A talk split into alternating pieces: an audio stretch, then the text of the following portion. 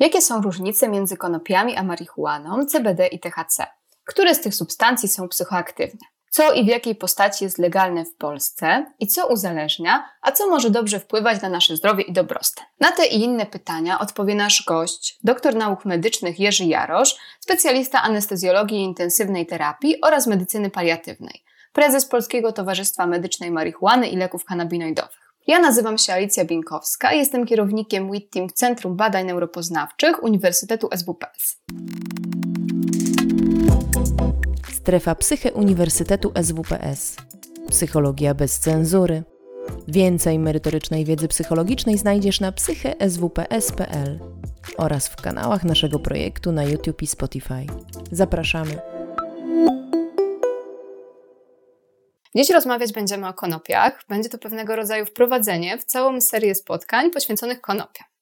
Moim gościem jest doktor nauk medycznych Jerzy Jarosz. E, panie doktorze, bardzo się cieszę, że możemy dziś wspólnie porozmawiać o konopiach. I pierwsze pytanie, jakie chciałabym panu zadać, dotyczy tego, jakie są różnice pomiędzy konopiami a marihuaną. E, możemy również rozwiać wszelkie wątpliwości a propos tego, e, czy marihuana jest z konopi. E, dzień dobry Państwu. Ja witam bardzo. Mi miło, że mogę tutaj u Państwa wystąpić i podzielić się swoimi refleksjami na temat właśnie marihuany i konopi, czyli a może ściślej mówiąc na temat kanabinoidów, wykorzystania kanabinoidów w medycynie i jak do tego dojść, żebyśmy mogli wykorzystywać to, czego jeszcze dokładnie nie potrafimy nazwać w tym naszym języku i zastanowić się e, nad wieloma aspektami wspólnie, dlatego że tutaj nie ma w tej chwili znawców absolutnych, jeśli chodzi o konopie. Otóż marihuanę robi się z konopi, bo to jest odpowiedź na pytanie, które kiedyś zawisło w przestrzeni i, na, i nikt na to e, nie odważył się sposób jednoznaczny od, e, odpowiedzieć. Nie dlatego, żeby nie było odpowiedzi, ale zawsze, kiedy mówi się o konopiach czy o medycznej marihuanie, jest tam dużo polityki, dużo e, socjologii, trochę medycyny. E, I dlatego ta odpowiedź nigdy jasno nie padła. Tak, marihuanę robi się z konopi. Dla nas marihuana i konopie to jest synonim po polsku mówimy konopie, E, nie konopia, bo wiele osób zaczyna w liczbie pojedynczej mówić o tym e, ziole. E, marihuana to jest nazwa, którą nadano kiedyś w Stanach Zjednoczonych od latynosów po to, żeby zohydzić w pewien sposób konopie i marihuanę, przedstawić je jako właśnie to zioło z piekła rodem i powstała marihuana. Medyczna marihuana to jest marihuana czy konopie wykorzystywane w celach medycznych i odpowiadające pewnym kryteriom medycznym, to znaczy jeśli chodzi o wytwarzanie, o zawartość, o czystość, nazwijmy to chemiczną, o możliwość precyzyjnego dawkowania. I te określenia, myślę, będą tutaj padały co jakiś czas, ale kiedy mówimy o medycynie, raczej mówimy o w tej chwili o kanabinoidach, o kanabis. Często używamy takiej umiędzynarodowej, umiędzynarodowionej nazwy o kanabis jako preparatów z zioła, czyli gotowego zioła suszonego, wykorzystywanego bezpośrednio. Będziemy mówili o lekach y, zrobionych na bazie y, kanabinoidów i o syntetycznych kanabinoidach, czyli o, leku, o lekach zarejestrowanych i naśladujących kanabinoidy roślinne, fitokanabinoidy, takiego określenia się y, używa, po to, żeby oddziaływać na endogenny układ kanabinoidowy, e, bo w taki jesteśmy wy, wyposażeni, albo też wykorzystywać inne właściwości leków kanabinoidowych. A więc bardzo dużo mówiłem, a właściwie o tym samym, o marihuanie, o kanabis, o medycznej marihuanie, o lekach kanabinoidowych. To wszystko mieści się w tych określeniach. Oczywiście. E, panie doktorze, a pojawiło się na czacie ciekawe pytanie. może wspólnie uda się na, na, nie odpowiedzieć. E, z perspektywy psychologicznej, e, dlaczego tak trudno przekonać e, faktami polityków do legalizacji marihuany? Ponieważ tutaj słuchacz słusznie zauważa, że miałoby to oczywiście pozytywny wpływ na liczbę badań naukowych, ponieważ łatwiej byłoby je prowadzić, no oraz oznaczało wpływy dla państwa finansowe. Tak. E, pytanie, dlaczego tak trudno za, zalegalizować e, marihuanę i trudno e, o niej mówić i opierać się na dowodach. I to jest największa słabość tego, że tych dowodów medycznych, na dowodów na działanie marihuany, dowodów rozumianych przez to, przez badania naukowe potwierdzające skuteczność, czyli to, co my nazywamy evidence-based medicine, tych dowodów jest bardzo mało, a jeśli są, to są bardzo słabe. Takich wskazań, o których można powiedzieć, że są udowodnione w odniesieniu do marihuany, głównie do THC, tetrahydrokanabinolu, bo już nie do CBD, jest naprawdę mało.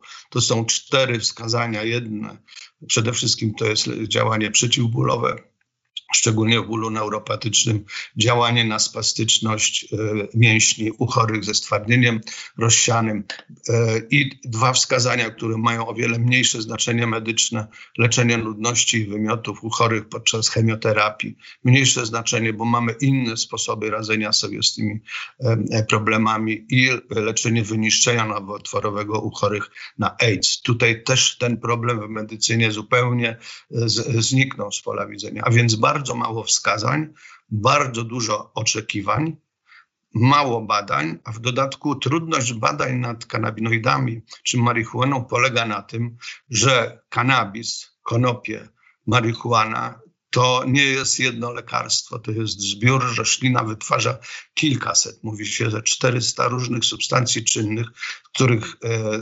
kanabinoidy są tylko jedną grupą, a wśród tych kanabinoidów my właściwie zajmujemy się tylko dwoma tetrahydrokanabinolem, czyli e, THC i kanabidiolem, czyli CBD. Trudno jest e, wyodrębnić, trudno jest stworzyć grupy, jednorodne grupy pacjentów, które mogłyby być porównywane między sobą, czy działa, czy nie działa. E, a więc to są trudności obiektywne. No i kolejne, e, też obiektywne, to są pieniądze. E, badania naukowe, szczególnie badania kliniczne, badania na ludziach, to są ogromne koszty. I one są prowadzone wtedy, kiedy głównie firmy farmaceutyczne już widzą konkretny cel co one z tego zrobią, co badania im e, przyniosą. Tu nie udało się e, zidentyfikować takich konkretnych celów, które są do osiągnięcia już. Działanie przeciwnowotworowe kanabinoidów. Wcale nie tak łatwe do udowodnienia, chociaż są przesłanki. To byłyby ogromne pieniądze i ogromny motyw do badania. Badania są robione w tym kierunku, ale e, zbyt skąpo. I wreszcie polityka, i wreszcie to, co ludzie sądzą o kanabinoidach, czy to jest złe, czy dobre. Rozgrywa się przecież swoje partie, używając partie w sensie tej gry politycznej.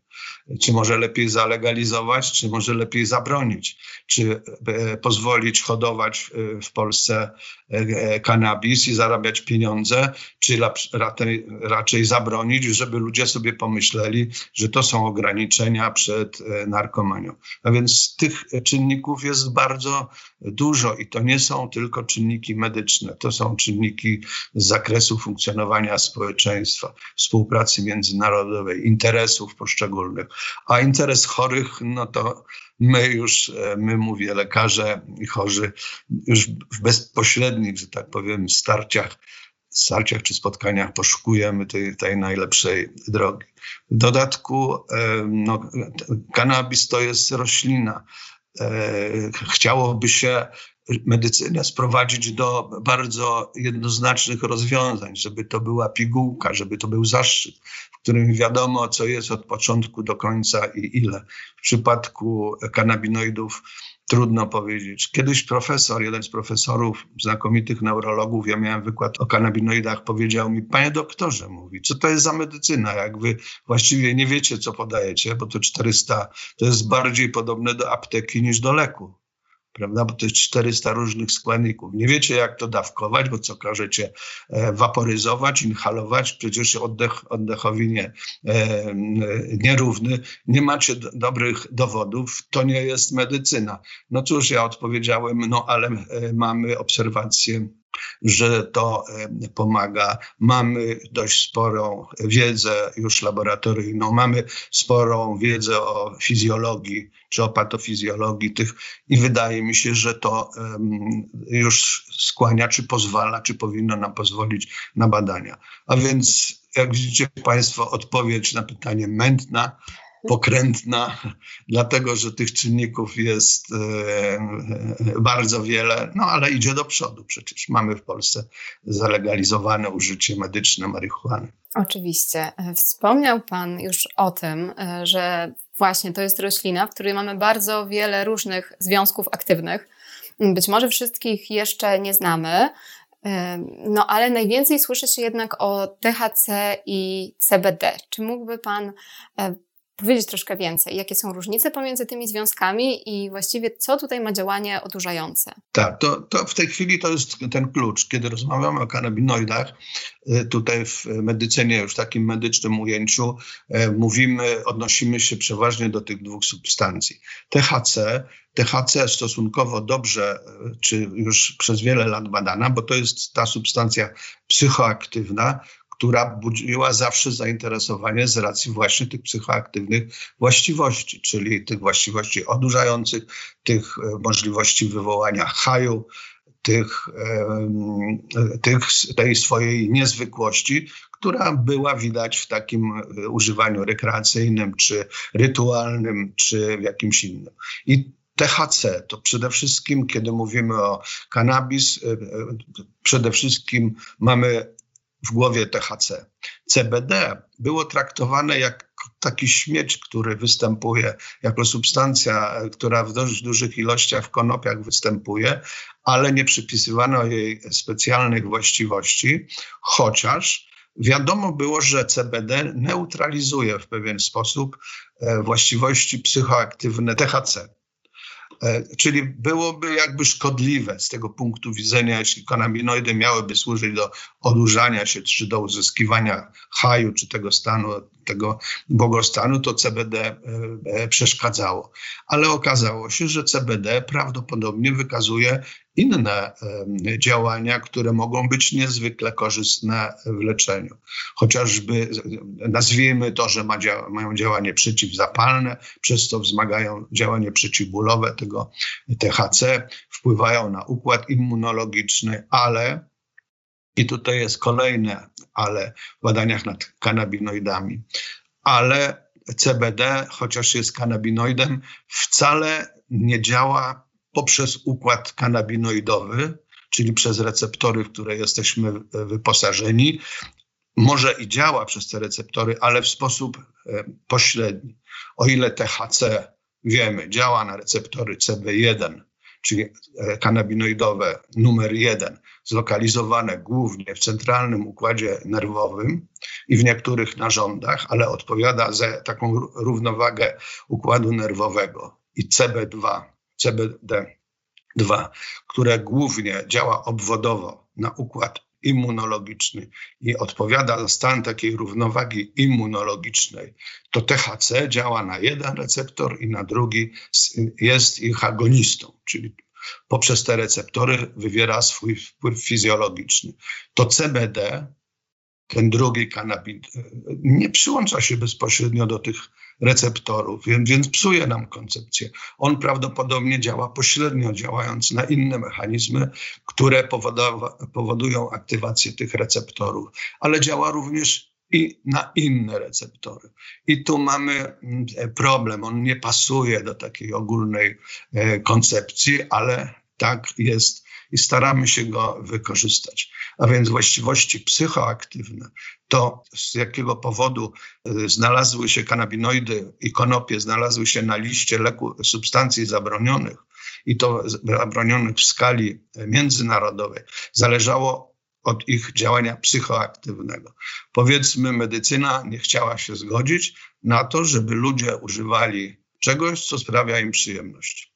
Bo to było zabronione i dlatego w 1961 roku, no bo ta przyjemność też okupiona jest y, oczywiście pewnymi wyrzeczeniami.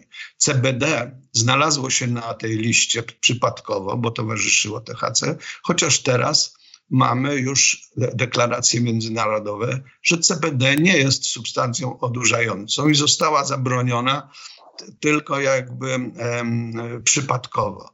I w tej chwili odkłamujemy, już nie jest zabroniona, co widzimy e, w sklepach, e, gdzie olejek CBD, zawierający CBD, czy w internecie, gdzie można kupować, czy wręcz można produkować sobie do woli, ile się chce i sprzedać. Więc to są dwie różne substancje. Kiedy my dobieramy lek dla chorego, my poszukujemy równowagi, co temu choremu będzie bardziej potrzebne. THC, CBD, czy THC i CBD, tylko w różnych e, proporcjach. I na razie ta nasza wiedza o kanabinoidach i o lekach kanabinoidowych czy tych substancjach to jest tyle, ile CBD, ile THC dla którego chorego. Panie doktorze, kolejne pytanie na czacie dotyczy właśnie CBD, a mianowicie tego, czy olej CBD, jeżeli się go zażywa, E, może poprawiać sen. CBD jest bardzo e, szeroko sprzedawanym preparatem, niekiedy jako suplement diety, czy preparat spożywczy o specjalnym przeznaczeniu, czy jeszcze inne określenia.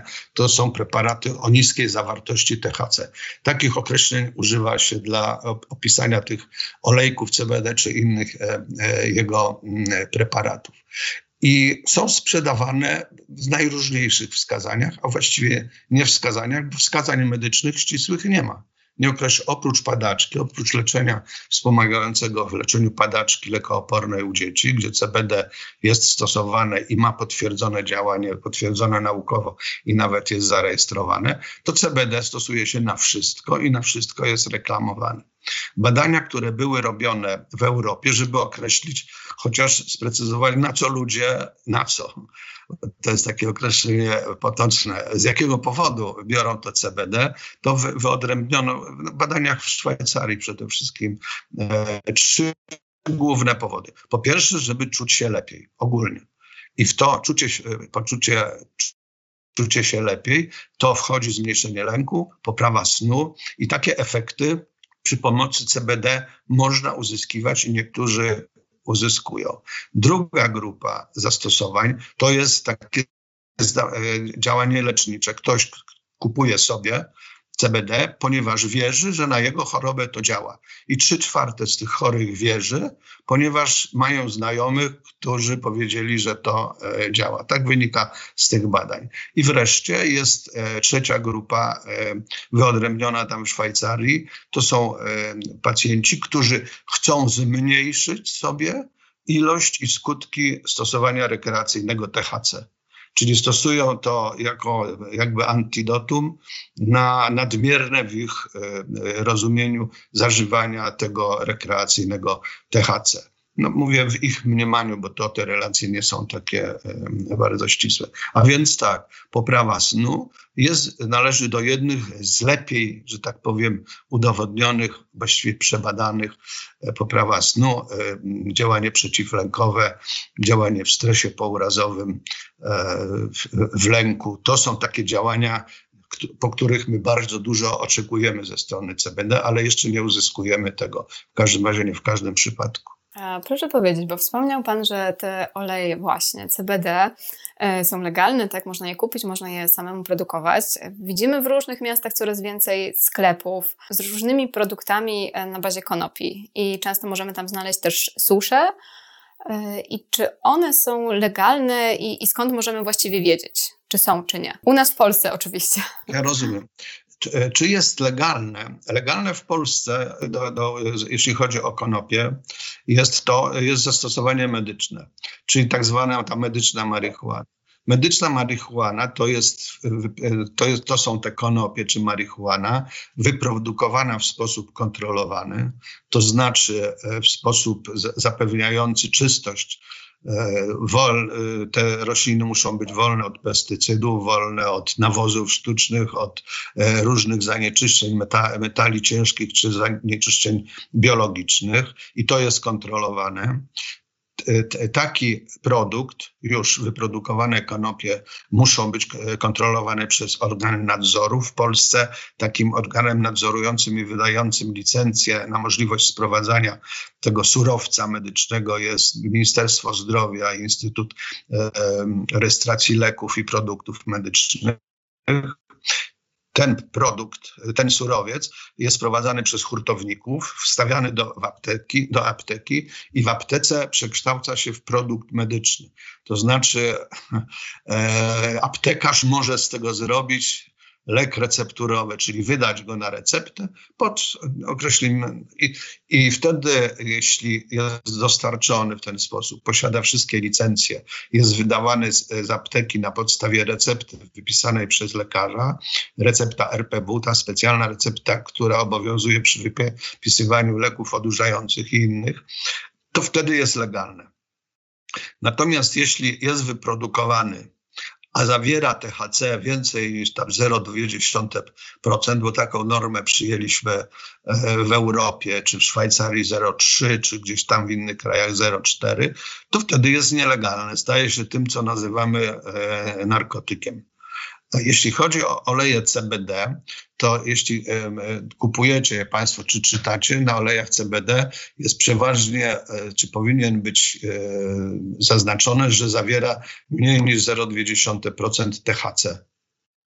Bo, bo, to jest spełnienie e, tej normy. Produkcja na ogół jest legalna. Tam obowiązują jakieś przepisy, przepisy dotyczące produkowania produktów spożywczych. Niektóre firmy, które produkują to, występują o e, nadanie statusu e, suplementu diety. Ale większość preparatów stosowanych w Polsce nie ma w żaden sposób e, określonego tego. Sama substancja CBD nie jest w Polsce zakazana, a więc jest legalne, dopóki nie zaczyna się z nią dziać coś nielegalnego, że na przykład pacjenci są oszukiwani, prawda, czy zawiera więcej THC, a być może okaże się, że ktoś się zatruł, ponieważ ta substancja, ten olej był zatruty jakimś tam metalem ciężkim, czy jakimiś związkami rakotwórczymi. Nad tym kontroli w Polsce niestety nie ma. Także te rzeczy kupujemy sobie sami na własną odpowiedzialność. I wreszcie można pójść do sklepu i kupić sobie olej konopny. Olej konopny, który nie zawiera tych kanabinoidów w takiej ilości, albo ziarno, czyli nasiona, które nie zawierają już kanabinoidów prawie, E, ziarno to głównie się kupuje jako pokarm dla papużek, tak? I to największe zastosowanie jest. A można dosypać do czekolady i napisać, że czekolada jest jako chwyt reklamowy. Nasiona nie zawierają tych kanabinoidów, ponieważ roślina sama zużywa te, te kanabinoidy. I to, to, myślę, że sprzedawanie czekolady z, z kanabinoidami czy jakieś inne postacie, e, postaci e, no, są legalne, no mówię, dopóki nie są używane do jakichś e, w celach nadużyć, czy oszukiwania ludzi, czy wyciągania pieniędzy. Mhm. A proszę jeszcze powiedzieć, bo um, wspomniał Pan właśnie znaczy o tym, że, że te oleje są z CBD są, są legalne, ale też wiem, że w Polsce są firmy, które prowadzą uprawy konopi. I czy takie uprawy y, można prowadzić legalnie? No, Polska jest jednym z większych producentów konopi, zawsze było, ale podstawowym zastosowaniem konopi to jest, e, to jest uprawa na włókna które mhm. otrzymuje się z tego. No na pewno wiele osób wie, że liny okrętowe robiło się z włókna z konopi, ponieważ są niezwykle trwałe i nie gniją wodzie. To się używa, konopie się używa jako materiał budulcowy, można karoserie samochodowe robić z konopi, można zrobić elementy dla budownictwa, także te konopie włókniste albo konopie przemysłowe, o czym się mówi, to są hodowane w Polsce i są legalne. Gorzej, jak któraś z tych partii tych konopi zasianych zacznie, będzie rosła w takich warunkach pogodowych, na przykład pięknym słońcu czy co, i zacznie wytwarzać THC za zbyt wielkich e, ilościach roślin. Nie, nie da się tego zabronić, chociaż są oczywiście odmiany, które, gdzie ryzyko jest niewielkie, bo wtedy to się staje jakby nielegalne, cała ta partia. Ale hodowla konopi jest, bo, bo właściwie nielegalny jest THC. Tak, czyli kluczowy jest ten poziom THC uprawianych konopiach. Mhm. A tymczasem mamy e, jeszcze jedno pytanie na czacie dotyczące legalności e, produktów e, konopnych, a, a konkretnie dotyczy mm, jak, tego, jak wygląda kwestia legalności skrętów z marihuaną, które są możliwe do zakupu w automatach, w fiolkach, które są zaklejone plombą z napisem, że firma nie ponosi odpowiedzialności za produkt po przerwaniu plomby. Czy pan jest coś temat, e, stanie na ten temat powiedzieć? Mogę powiedzieć na ten temat tyle, że jeśli sprzedaje się joint, to ja, ja, ja się akurat nie spotkałem, bo ja akurat na rynku, że tak powiem, ulicznym nie, nie funkcjonuję.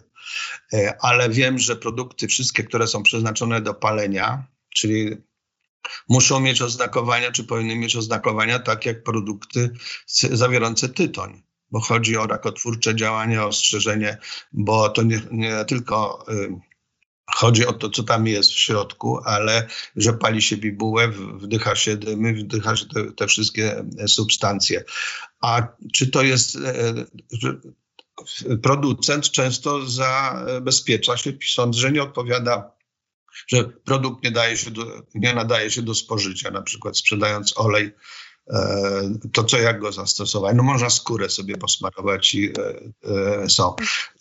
Tutaj, że po zerwaniu plomby z opakowania nie potrafię odpowiedzieć. To jakieś zabezpieczenie producenta, mhm. który, który pisze, ja za nic nie odpowiadam, a ty sobie kupuj co chcesz i, i rób co chcesz, ale na twoją odpowiedzialność. Czy mnie jeszcze taka jedna rzecz teraz przyszła do głowy, która być może tutaj ma znaczenie, e, że jeżeli takie opakowanie się otworzy i włoży się później do niego skręta z, z suszem, z marihuaną, która ma większą tą zawartość THC i ktoś zostanie gdzieś zatrzymany z, z taką fiolką, może powiedzieć, że to jest e, no, od tego i tego producenta, Mm, no to wówczas e, producent może mieć jakieś nieprzyjemności, tak? A on swój służ, że tak powiem, mm, przebadał, no z tym, że to, co ktoś zrobi z fiolką, to jest później indywidualna sprawa.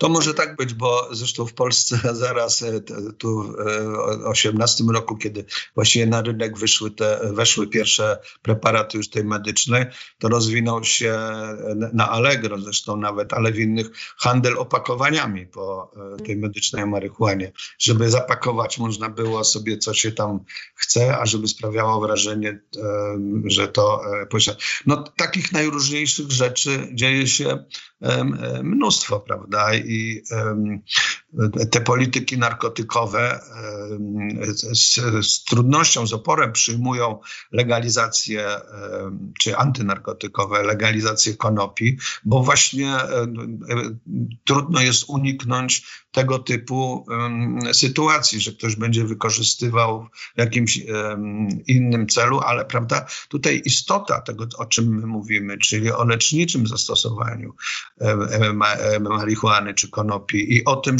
żeby one były postrzegane takie, jakimi są, że owszem, jest rynek rekreacyjny, jest rynek leczniczy, ale do rekreacyjnych nadają się te preparaty, które zawierają dużo THC i póki co to jest nielegalny rynek. Przecież jest nielegalny na zasadzie umowy. Można się umówić, że będzie legalny, tak jak to w niektórych stanach e, Stanów Zjednoczonych, prawda, czy, e, czy w, e, w Kanadzie.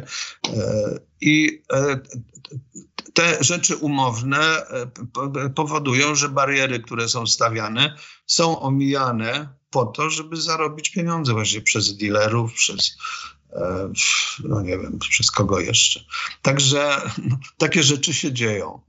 Tak. A stawiając już teraz kwestię legalności, e, chciałam pana doktora jeszcze zapytać o to, mm, co w tych konopiach może uzależniać, a co może pozytywnie wpływać na nasze zdrowie i dobrostan?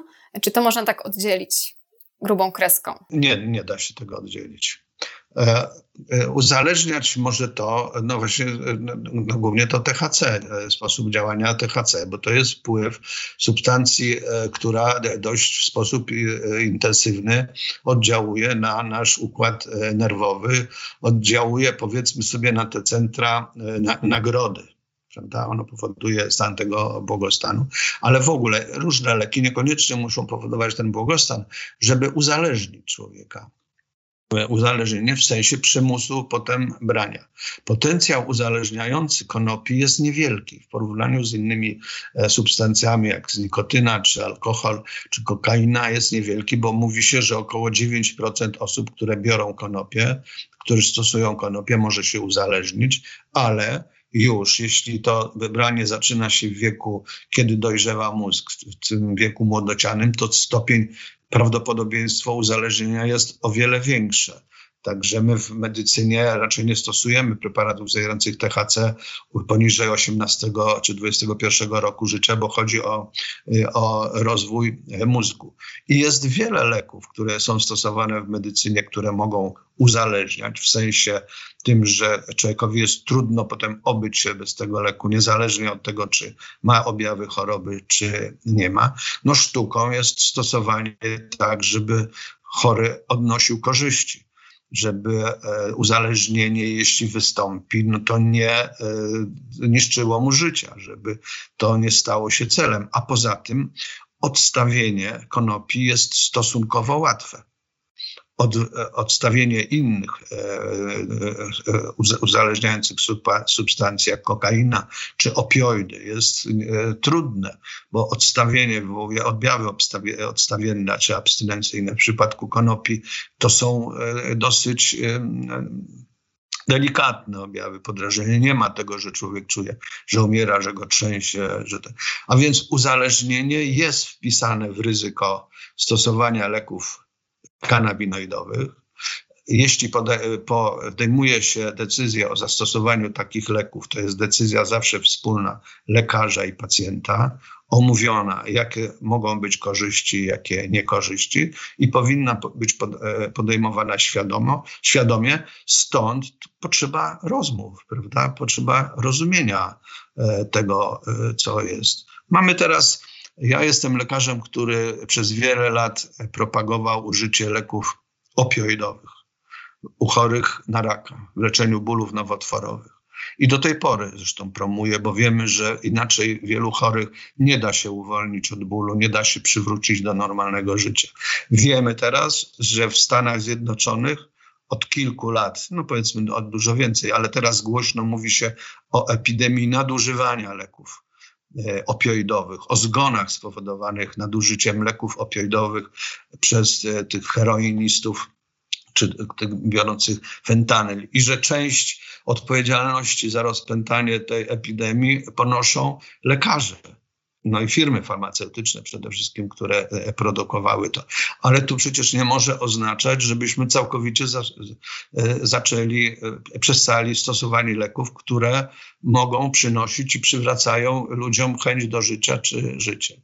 Nawiasem mówiąc, daje się zaobserwować, że legalizacja marihuany prawdopodobnie wpłynęła w kilku stanach na obniżenie zużycia heroiny Czyli jakby ten gorszy narkotyk zastąpiliśmy tym e, lżejszym, czy lepszym, jeśli to można nazwać narkotykiem, mniej szkodliwym, niezabijającym. A więc zawsze są dwie strony medalu i od, od, tego e, są te nasze rozmowy, czy powiedzmy po to.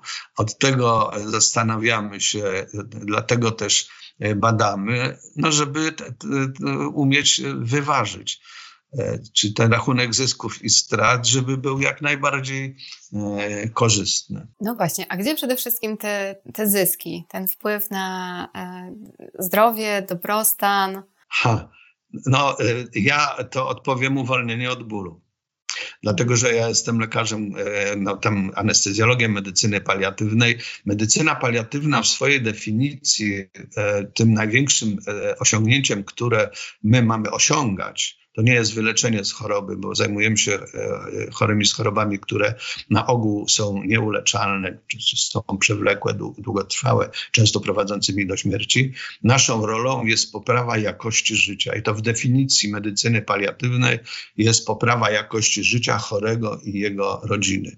Uwolnienie od bólu jest jednym z elementów poprawy jakości życia, ale konopie. Na przykład my wiemy, że w medycynie paliatywnej stosowanie konopi może poprawić, również działać bardzo korzystnie na zniesienie depresji. Przecież depresja to jest straszna rzecz, prawda, która odbiera chęć do, do życia, z którą nie daje się żyć. Lęku, bólu, niekiedy poprawy apetytu i ogólne, ogólnie lepszego spojrzenia na świat.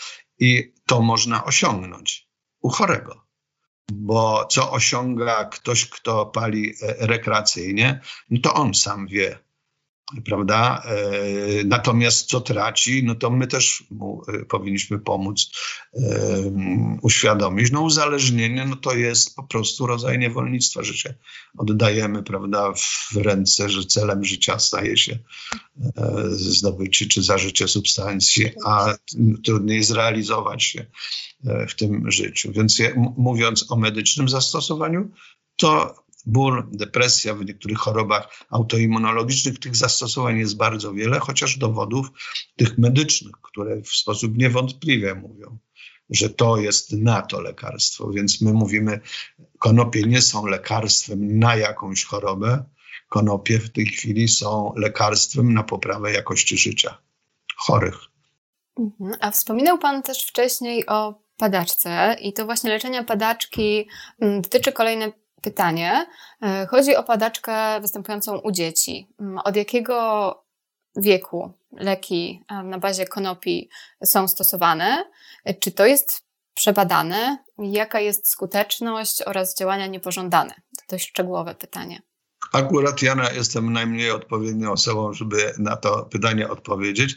Mogę tylko odpowiedzieć, że historia taka głośna w Polsce, która się bardzo przyczyniła do legalizacji marihuany, właśnie dotyczyła leczenia padaczki, prawda? U, u bardzo małego dziecka, kilkumiesięcznego, właśnie przy użyciem, zużyciu tej medycznej marihuany i um, Epidiolex, bo tak się nazywa lek, który zawiera CBD, właśnie e, e, ziołowy, ma rejestrację do leczenia padaczki lekoopornej i tam nie ma, e, zdaje się, ograniczenia, ograniczenia wiekowego. Ale ja mówię, ja akurat w tym nie czuję się absolutnie ekspertem, to na pewno, ale ja też nie leczę w ogóle, że tak powiem, młodocianych osób. Ale wydaje, nie wydaje mi się, żeby tam były jakieś ograniczenia wiekowe. Mhm. Dziękuję bardzo. A kolejne pytanie dotyczy tego, czy to właściwie nie jest tak, że e, koncerny farmaceutyczne mogłyby sporo stracić po legalizacji konopi? I jednym z, tak, jednym z takich argumentów przeciwko nielegalizacji, czyli za legalizacją, było to, że koncerny farmaceutyczne i taki filmik krążył w internecie, ja od chorego dostałem, mówi, że, że głównym e, tym, mm, e, główną przeszkodą, że e, nie jest legalizowana, bo firmy farmaceutyczne natychmiast by przestały zarabiać swoje pieniądze. Wątpię wątpię, żeby, e, żeby tak było. Dlatego firmy farmaceutyczne raczej prawdopodobnie i, i chciały i próbowały i próbują ciągle, chciałyby znaleźć ten lek i wypromować, żeby móc go sprzedawać, niż e, hamować e, postęp medycyny dla interesu. Chociaż trzeba powiedzieć, że e, no, ten przemysł farmaceutyczny ma trochę na sumieniu e, i od czasu do czasu pojawiają się afery i stąd my musimy patrzeć z zaufaniem, bo nie mamy innego wyjścia. I stąd te firmy farmaceutyczne też muszą się doskonalić w swoich tych etycznych zadaniach. My teraz widzimy, co się dzieje ze szczepionkami, prawda? Jak, jakie wokół tego e, niedomówienia narastają, jakie posądzenia, jakie hejty się wymyśla, co oni robią. No taka dyskusja na, na pewno będzie trwała. Jeśli chodzi o moje zdanie, to ja bym na pewno tego nie mógł potwierdzić. Dziękuję bardzo. Jest jeszcze pytanie dotyczące tego, jak używanie konopi wpływa na regulację emocjonalną? Czy wpływa, czy wpływa negatywnie? Konopi to, tu, to tutaj już e, jakby spłyciliśmy, bo ja już mówiłem o THC i CBD. Tak. Prawda? E, THC e, e, ma e, w swojej e, istocie ryzyko takich powodowania zachowań lękowych czy odczuć lękowych. CBD z kolei jest lekiem, który jest stosowany w leczeniu lęku. I jeśli chodzi o decyzję, decyzje, tak, i zachowania emocjonalne, jak to, jak to wpływa. No, my, niektórzy chorzy u nas um, biorą, też tutaj się różnią. Trzeba też wspomnieć, że e, konopie różnią się nie tylko tym zawartością THC i CBD, ale co jest znane już od dawna, te szczepy Indica i Sativa, konopie indyjskie i te konopie sativa, one też różnią się trochę wpływem na emocje. O ile indykę można nazwać, że to jest e, e, szczep odprężający i umysł, i ciało. To jest relaks. O tyle sativa bywa często takim podkręcającym, na, e, nakręcającym mm, emocje. I, I, ja mam już chorych, którzy od, odróżniają, na przykład proszą na dzień, żebyśmy wypisali sativę, a na, e, na noc indikę. To jest trudno e, rozróżnić, ale są szczepy, które między sobą się różnią. Więc ja jednoznacznie nie odpowiem. Wydaje mi się, że to bardziej reakcje emocjonalne zależą od tego, czego ten, e, ten pacjent, nazwijmy go, bo nie powiem chory, bo niektórzy nie są chorzy na jakąś, tylko czego potrzebuje bardziej, jakiego, czy potrzebuje e, wyciszenia, uspokojenia, czy bardziej podkręcenia, ale na pewno wpływają. I to trzeba wiedzieć, że to podejmuje się te decyzje czy te reakcje pod wpływem substancji egzogennej.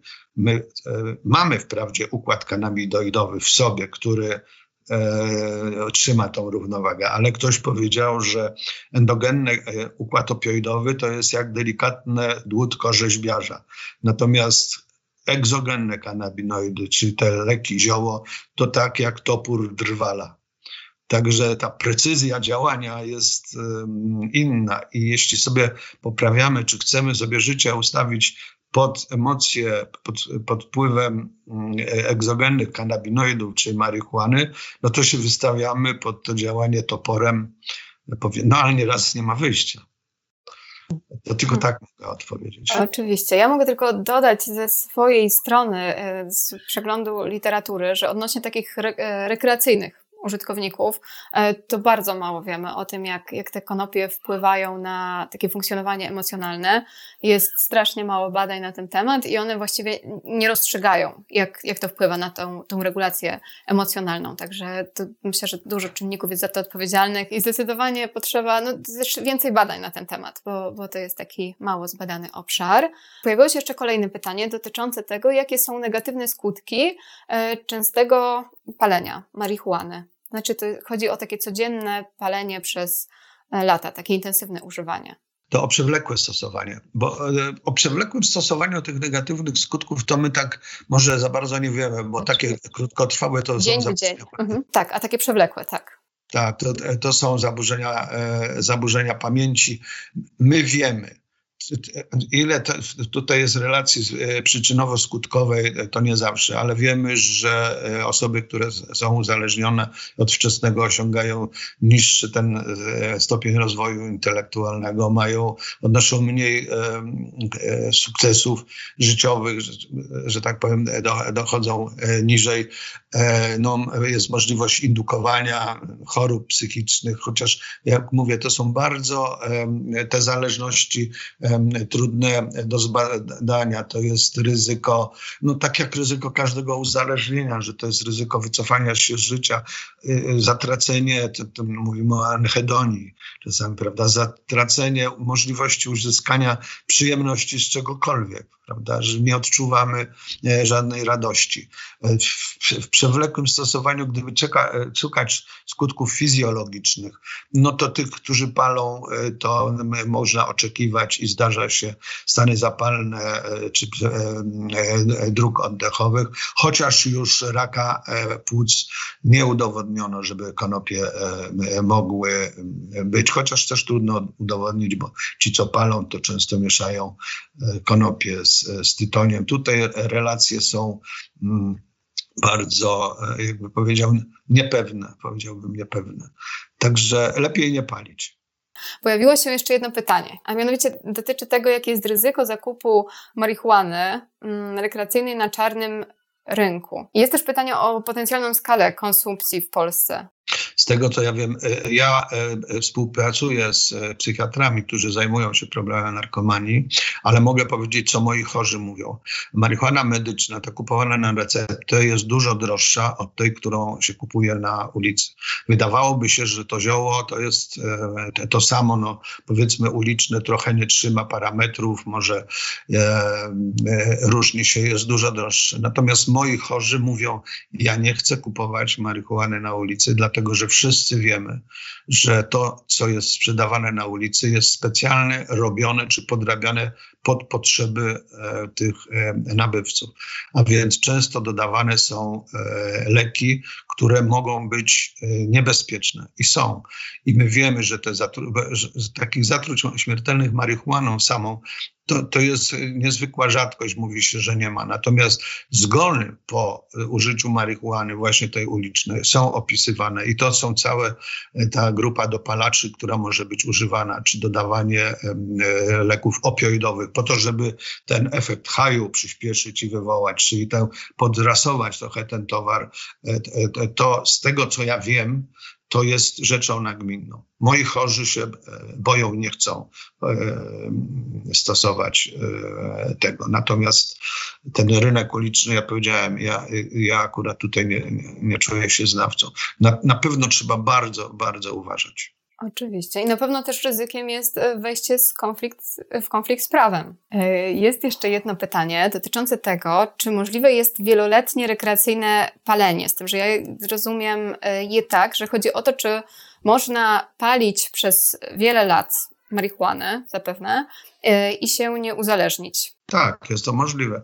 Jest to możliwe. E, znaczy, im dłużej się pali, tym większe ryzyko jest uzależnienia albo tego. I mówi się, że no, ogólnie jest tam 9%, a tych palaczy, tych ciężkich palaczy, no to jest 14 czy 24% się uzależnia, także potem mają trudności, czy nie mogą, e, czy nie mogą tego odstawić. Ale marihuana jest stosunkowo łatwym do odstawienia w porównaniu z innymi e, tymi środkami uzależniającymi, e, to tutaj to, to na, na korzyść marihuany. Wiem, że tak jest.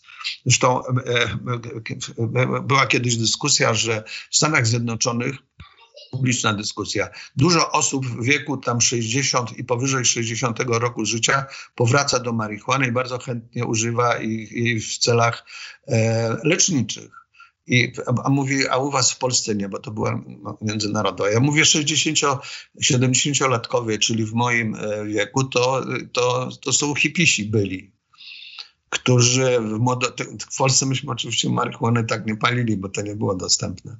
E, e, używała się e, czegoś innego, ale dla nich powrót jako tego leczniczego czy używanego środka może, może być oczywisty. To świadczy o tym, że nie, nie trzeba się panicznie bać tego, że trzeba użyć na przykład w celach leczniczych, albo że się paliło, to już jest się skazanym na, E, na e, nie wiadomo co. No, czy, no źle nie powinienem tak mówić.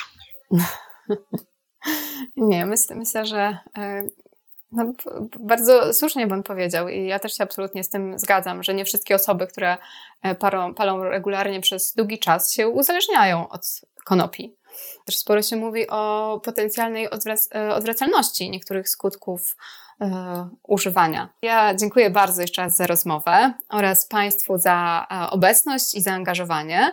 Zapraszamy na kolejne webinary Strefy Psyche Uniwersytetu SWPS, a w międzyczasie zachęcamy do czytania, oglądania i słuchania materiałów na blogu, YouTubie oraz różnych serwisach podcastowych, e, innymi na Spotify'u. Dziękujemy bardzo i do widzenia. Dziękuję bardzo i żegnam.